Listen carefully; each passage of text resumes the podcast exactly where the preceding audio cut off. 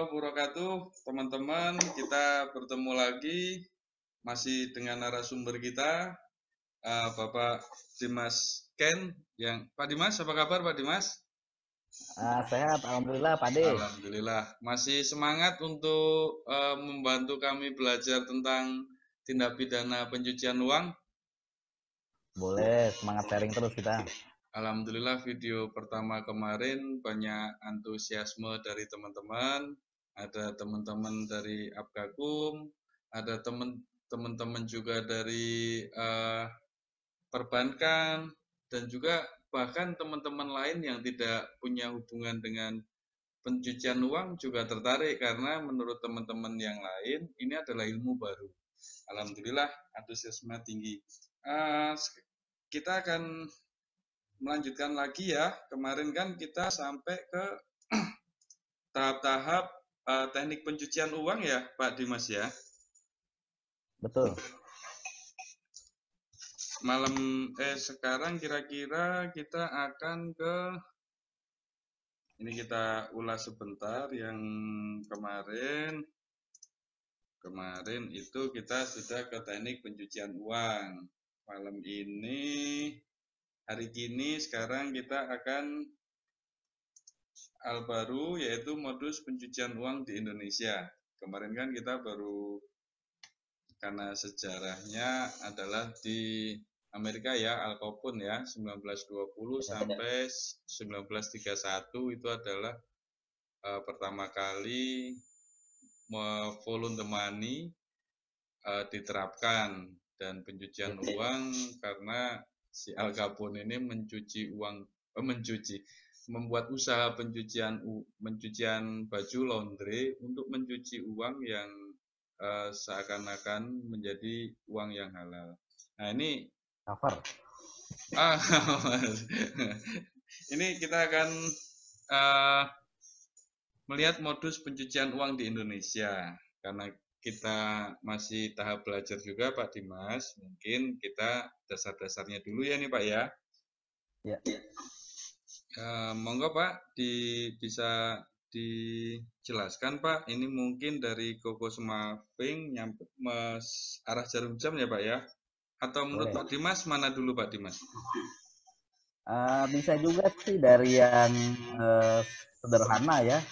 Mm -hmm sederhana uh, artinya yang paling dasar itu yang paling bawah justru menggunakan ID palsu.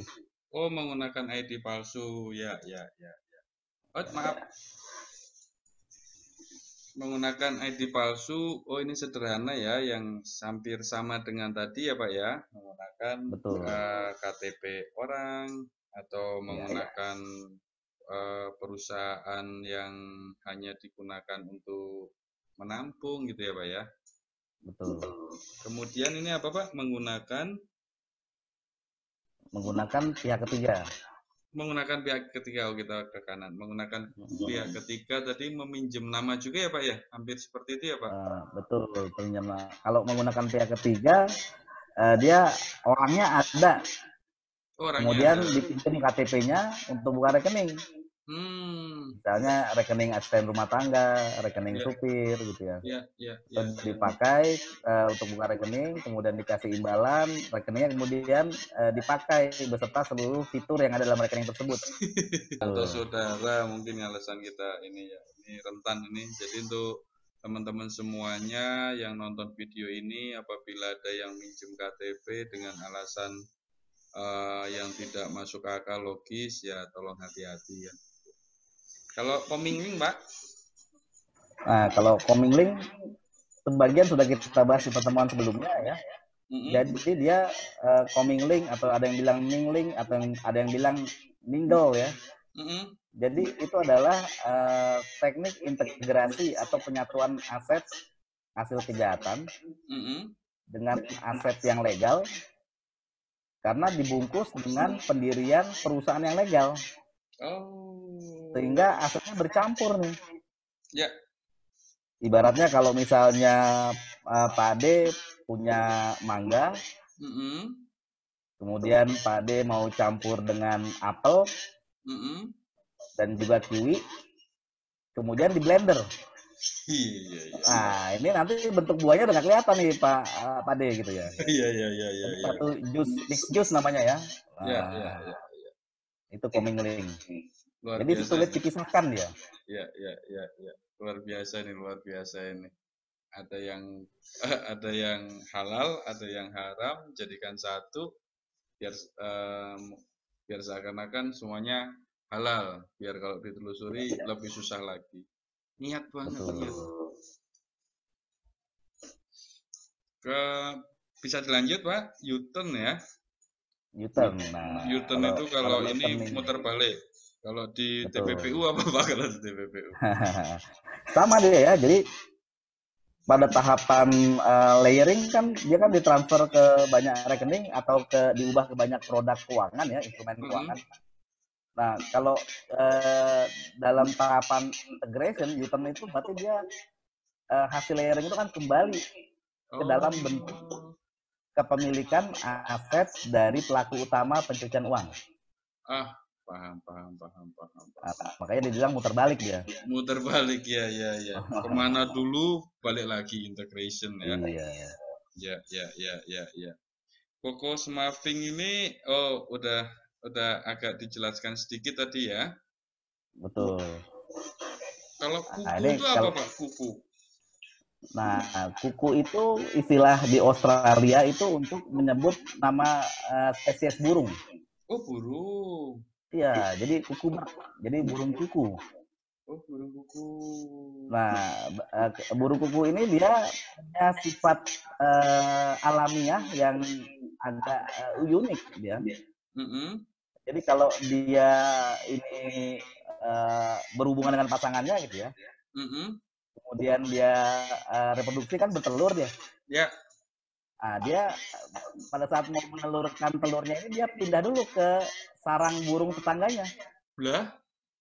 di Memang pohon sebelah. seperti itu. gitu ya. Habitnya Memang seperti itu, tuh dia. Habitnya seperti itu.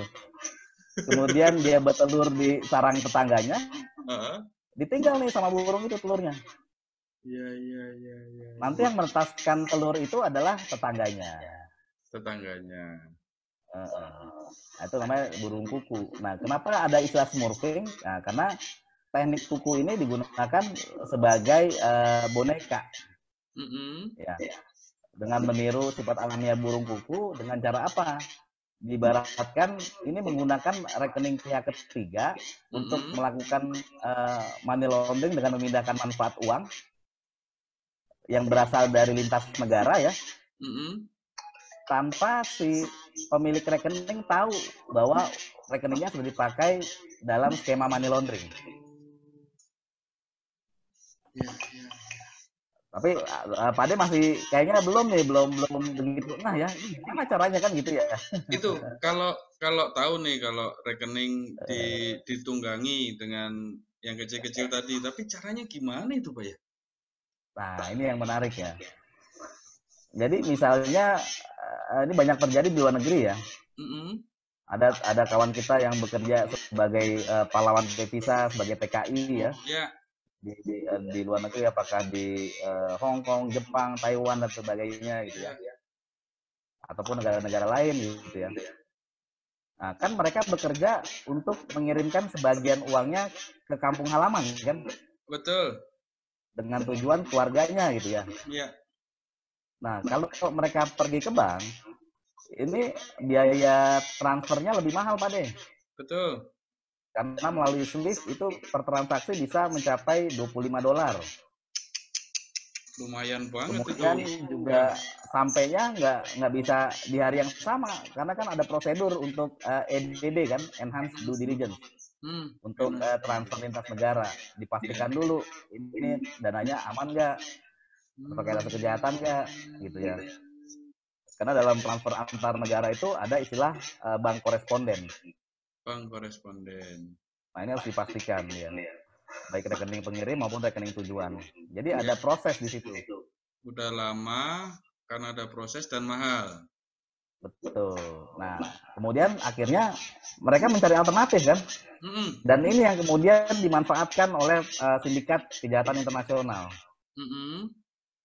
Dengan cara apa? Dengan cara mereka merekrut agent, agent khusus morphing.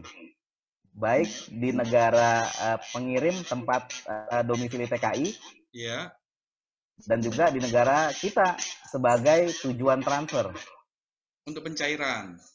Pencairan. Ya. Nah, yang di yang di luar negeri bentuknya apa? Bisa dia uh, formal ya, mm -mm. bisnis toko kelontong mm -mm. atau restoran kecil, gitu ya. Kemudian uh, si para TKI ini datang ke sana bawa uang uh, asingnya, uang falasnya, mm -hmm. kemudian disetorkan dan mereka akan diberikan semacam uh, nomor uh, kode unik. Oh, ya. Atau biasa kita bilang sebagai kode remittance, kode pengiriman uang. Kode pengiriman uang, ya, ya, ya. Misalnya JSX 5742 gitu ya, hmm. untuk satu orang gitu ya. Hmm. Tapi mereka banyak orang nih, ada ratusan orang di list. Ya.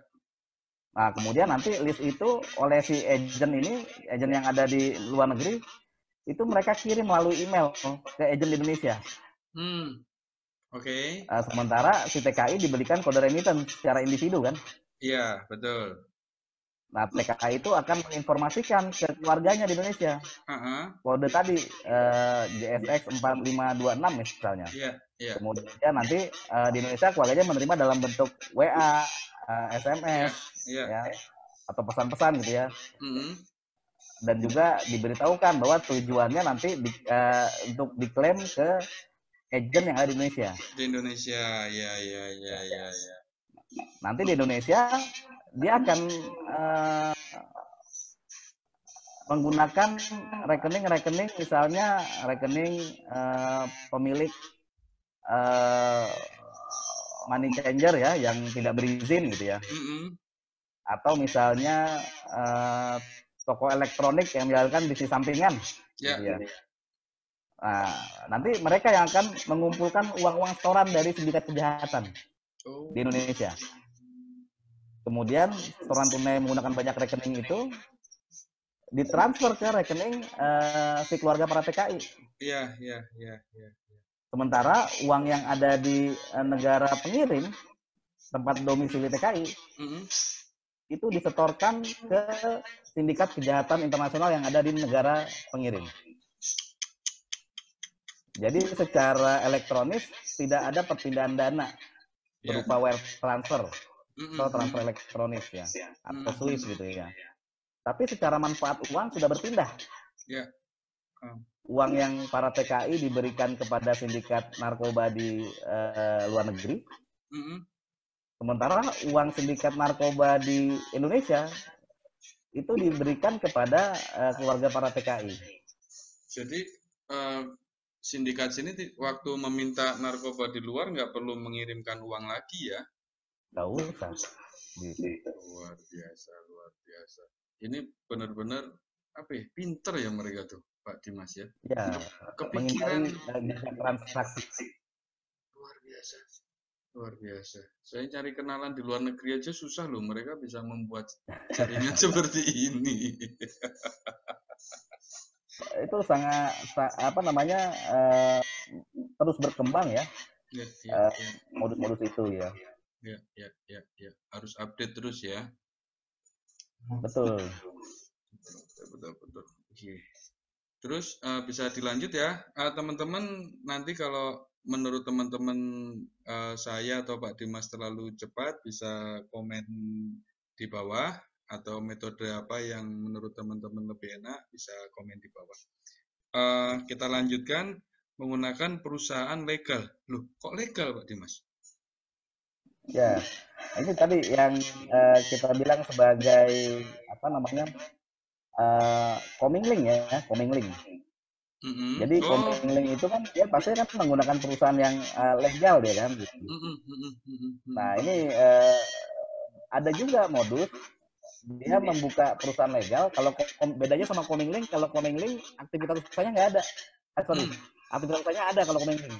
Mm-hmm. Jadi dia buka dealer mobil, dealernya memang ada, aktivitas jual beli mobilnya ada gitu ya. Mm -hmm.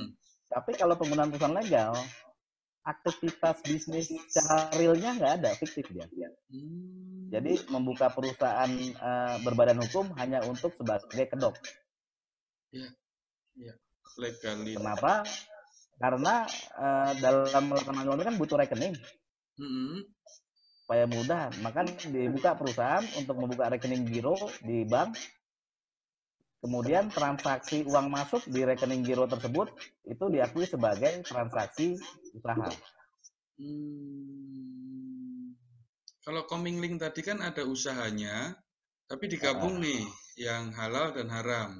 Betul. Kalau ini cenderung hanya legalitas untuk membuka rekening ya, biar itu Betul. dianggap sebagai rekening bisnis dan terpisah dengan ya. rekening pribadi pelaku kejahatan ya Pak Dimas ya. Betul.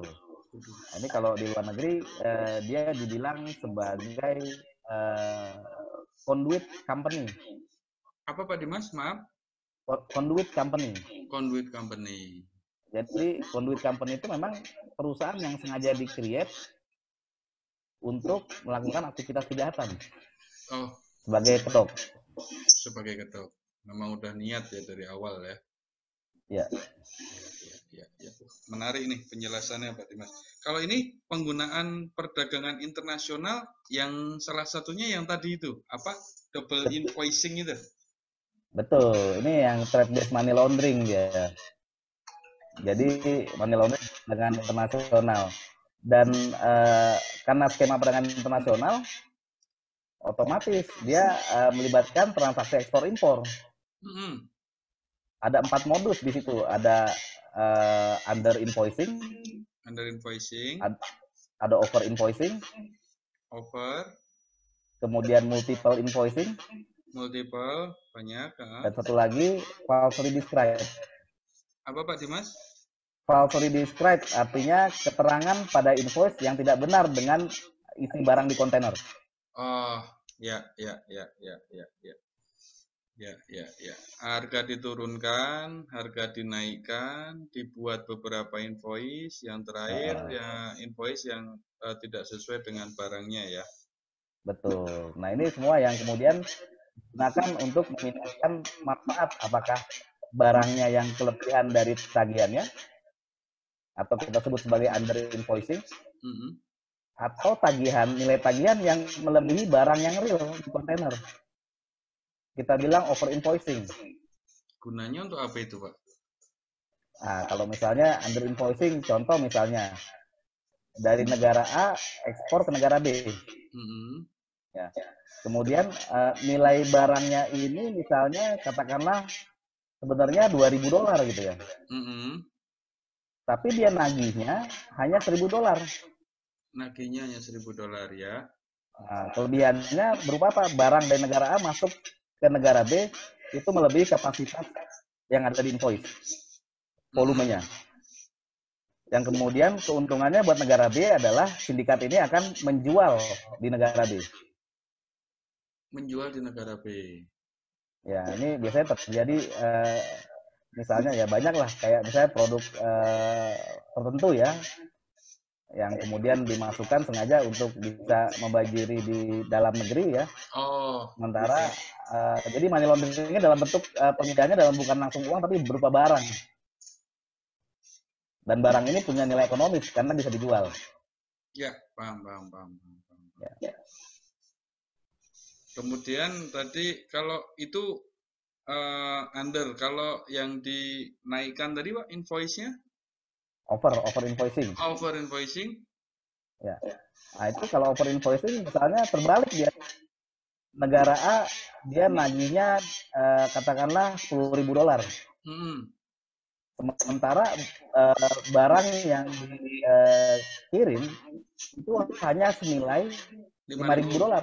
Iya. Uh, jadi dengan adanya mekanisme itu perdagangan ada kelebihan uang 5.000 dolar yang dibayarkan dari negara B ke negara A. Mm -hmm. Yang di antaranya itu mungkin 5.000 itu hasil kejahatan. Oh, untuk melarikan tadi ya, melarikan Betul. atau digunakan untuk transaksi lain lagi yang ilegal. Betul. Berarti ya, ya kayak underlying juga Pak ya, underlying tapi underlying. dia dia dia up ada benar kegiatannya tapi dia over ya paham, ya. paham, paham. Uh, terus itu satu, dua, tiga, ada empat tadi pak ya? Ada ya, tiga multiple invoicing ya. Mm -hmm. yang tadi ada satu invoice uh, ekspor impor itu barangnya benar-benar ada fisiknya juga ada sesuai dengan nilai nominal tagihan mm -hmm. tapi kemudian uh, invoice-nya dipalsukan berkali-kali iya berkali-kali ya uh, kemudian uh, underlying invoice itu digunakan di banyak bank ya ya ya ya itu gunanya untuk mengirimkan uang ke luar negeri itu ya? Ya, jadi misalnya eh, invoice nilai invoice-nya satu kali input ini katakanlah seribu dolar. Hmm, hmm, hmm, Begitu dia palsukan uh, eh, 100 kali, maka nanti dia bisa mengirimkan uang seratus ribu dolar ke luar negeri. Seratus ribu. Dan seakan-akan legal. Seakan-akan legal, karena uh, kelemahan sistem di kita ya banyak itu nanti.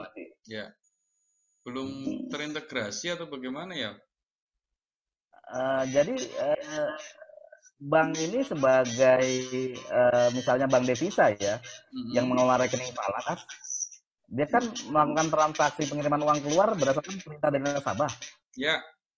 Nah itu kan setiap ada pengiriman uang seratus ribu dolar uh, dari peraturan Bank Indonesia mewajibkan harus ada underlying Underline-nya satunya berupa invoice.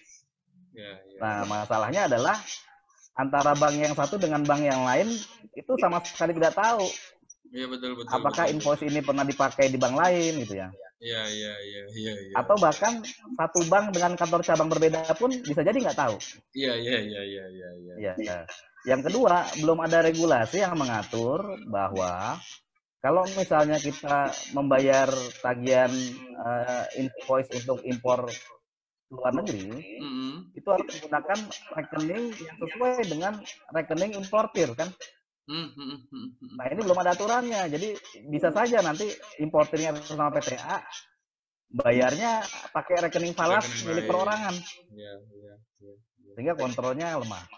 Kontrol lemah, ya, ya, ya. ya masih banyak celah-celah ya karena peraturannya belum belum bisa satu belum bisa padu moga-moga segera ada tindak lanjut dari pembuat regulasi nih Pak Dimas karena Betul. ini uh, kejahatan antar negara ini luar biasa ya dan biasanya digunakan uh, kriminal-kriminal dari luar negeri ini kan barang-barang berbahaya. Kalau nggak berbahaya, uh, dia akan melakukan impor yang sesuai prosedur pasti.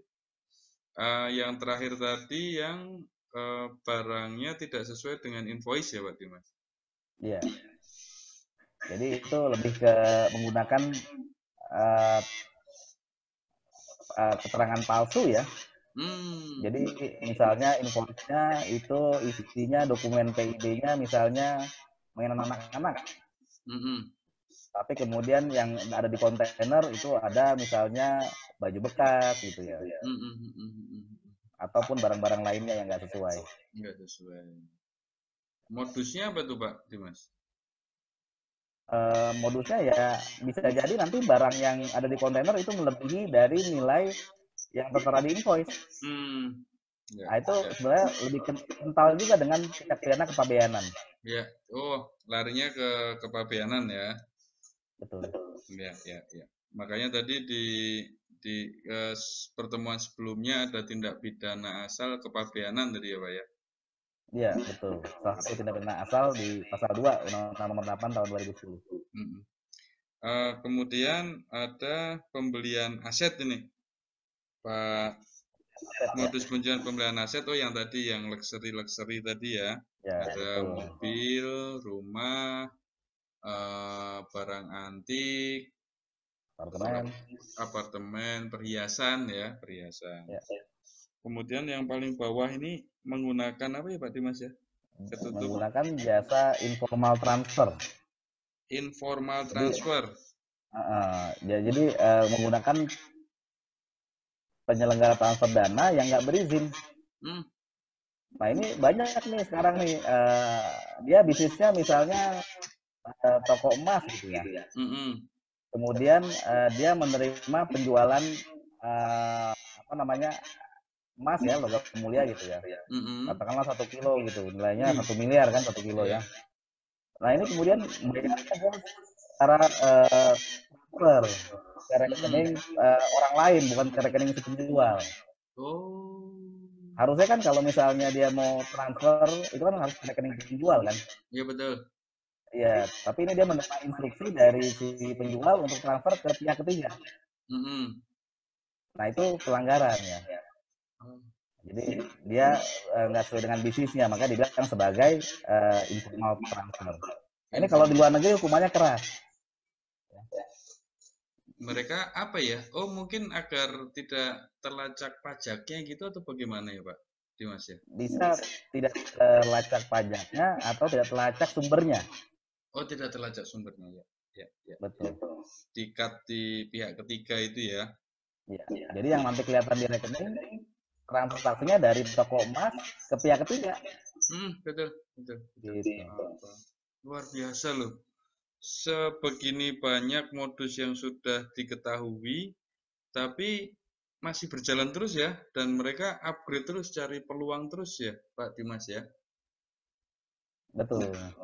Jadi makanya uh, kita juga harus uh, apa namanya terus aware ya. Betul, Jangan sampai untuk membantu atau kemudian malah dimanfaatkan. Iya iya iya iya iya. Karena dalam konteks money laundering itu ada pelaku pasif. Pelaku pasif. Pelaku pasif itu orang yang tidak sengaja menerima pembayaran, menerima transfer gitu ya. Penitipan. Penitipan uh, dan dari dan sebagainya dari harta-harta yang patut ya. diduga ya. berasal dari tidak pidana ya. Ya. Dan uh, si pelaku patut juga mengetahui. Hmm, hmm, hmm, hmm, hmm, hmm. Kalau pelaku mencar, uh, kita mengetahui dari mana Pak Dimas? Misalnya saya punya teman akrab, saking akrabnya ke mana-mana berdua gitu. Terus uh, karena tahu dia juga misalnya pejabat gitu kan, akhirnya alasannya pinjam KTP untuk untuk beli mobil karena kalau sekarang kan ada pajak progresif itu pajak ya. progresif seandainya ada terjadi sesuatu, saya bisa ini nggak ya? Bisa dianggap sebagai pelaku pasif nggak ya? Uh, tergantung tadi uh, dari niatnya lagi unsur subjektif namanya.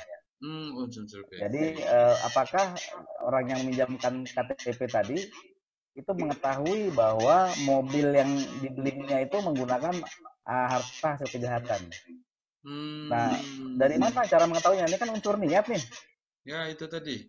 Kan kita kan nggak bisa menjadi ahli nujum yang menebak isi hati seseorang kan. Nanti kita nanya nah. marah ya kan. Kamu Betul. ngapain? Kok beli nah, mobil nah, biasanya, mewah marah dia. Oh. Betul. Nah, biasanya dibilang patut juga tahu itu uh, si orang yang menjamkan KTP itu menerima keuntungan. Oh. Uh, uh, Misalnya setelah Pak Ade menjadi KTP, kemudian Pak Ade diberikan uang 50 juta gitu ya. Nah, itu patut juga mengetahui itu gitu. iya, iya, iya, iya. Tapi kalau cuman dikasih thank you enggak ya? Makasih loh Pak Ade ah, gitu enggak. ah, itu enggak itu kan. Jadi yang menarik ini kalau misalnya seseorang diduga menjadi pelaku pasif, mm -hmm. maka uh, dari segi pembuktian itu penegak hukum harus membuktikan hmm. perbuatan yang mana yang si pelaku uh, penerima itu patut diduga mengetahui dari ya. niatnya. Ya, ya, ya, ya, ya, ya. Ini penyidik juga aparat penegak hukum juga harus pinter-pinter ini ya. Apakah hmm. mengetahui atau tidak. Luar biasa, menarik sekali. Pak Dimas, banyak sekali ya Pak Dimas modus pencucian uang di Indonesia ini. Meskipun kita menganggap kita uh, negara berkembang. Negara berkembang itu negara yang belum modern banget lah. Tapi kalau ngelihat ini 1, 2, 3, 4, 5, 6, 7, 8, 9 ini semuanya sudah dilakukan oleh pelaku kejahatan di Indonesia ya Pak Dimas ya? Betul, ini sudah sudah pernah dilakukan, sudah pernah ada contoh kasusnya ya. ya, ya. Bahkan uh, sebagian besar sudah mendapat hukuman uh, pidana tetap ya atau inkrah, inkrah dari pengadilan. Jadi kalau ada orang baru belajar mau jahat menggunakan ini ya udah pasti terlacak lah ya. Ya, mudah-mudahan kita harapkan.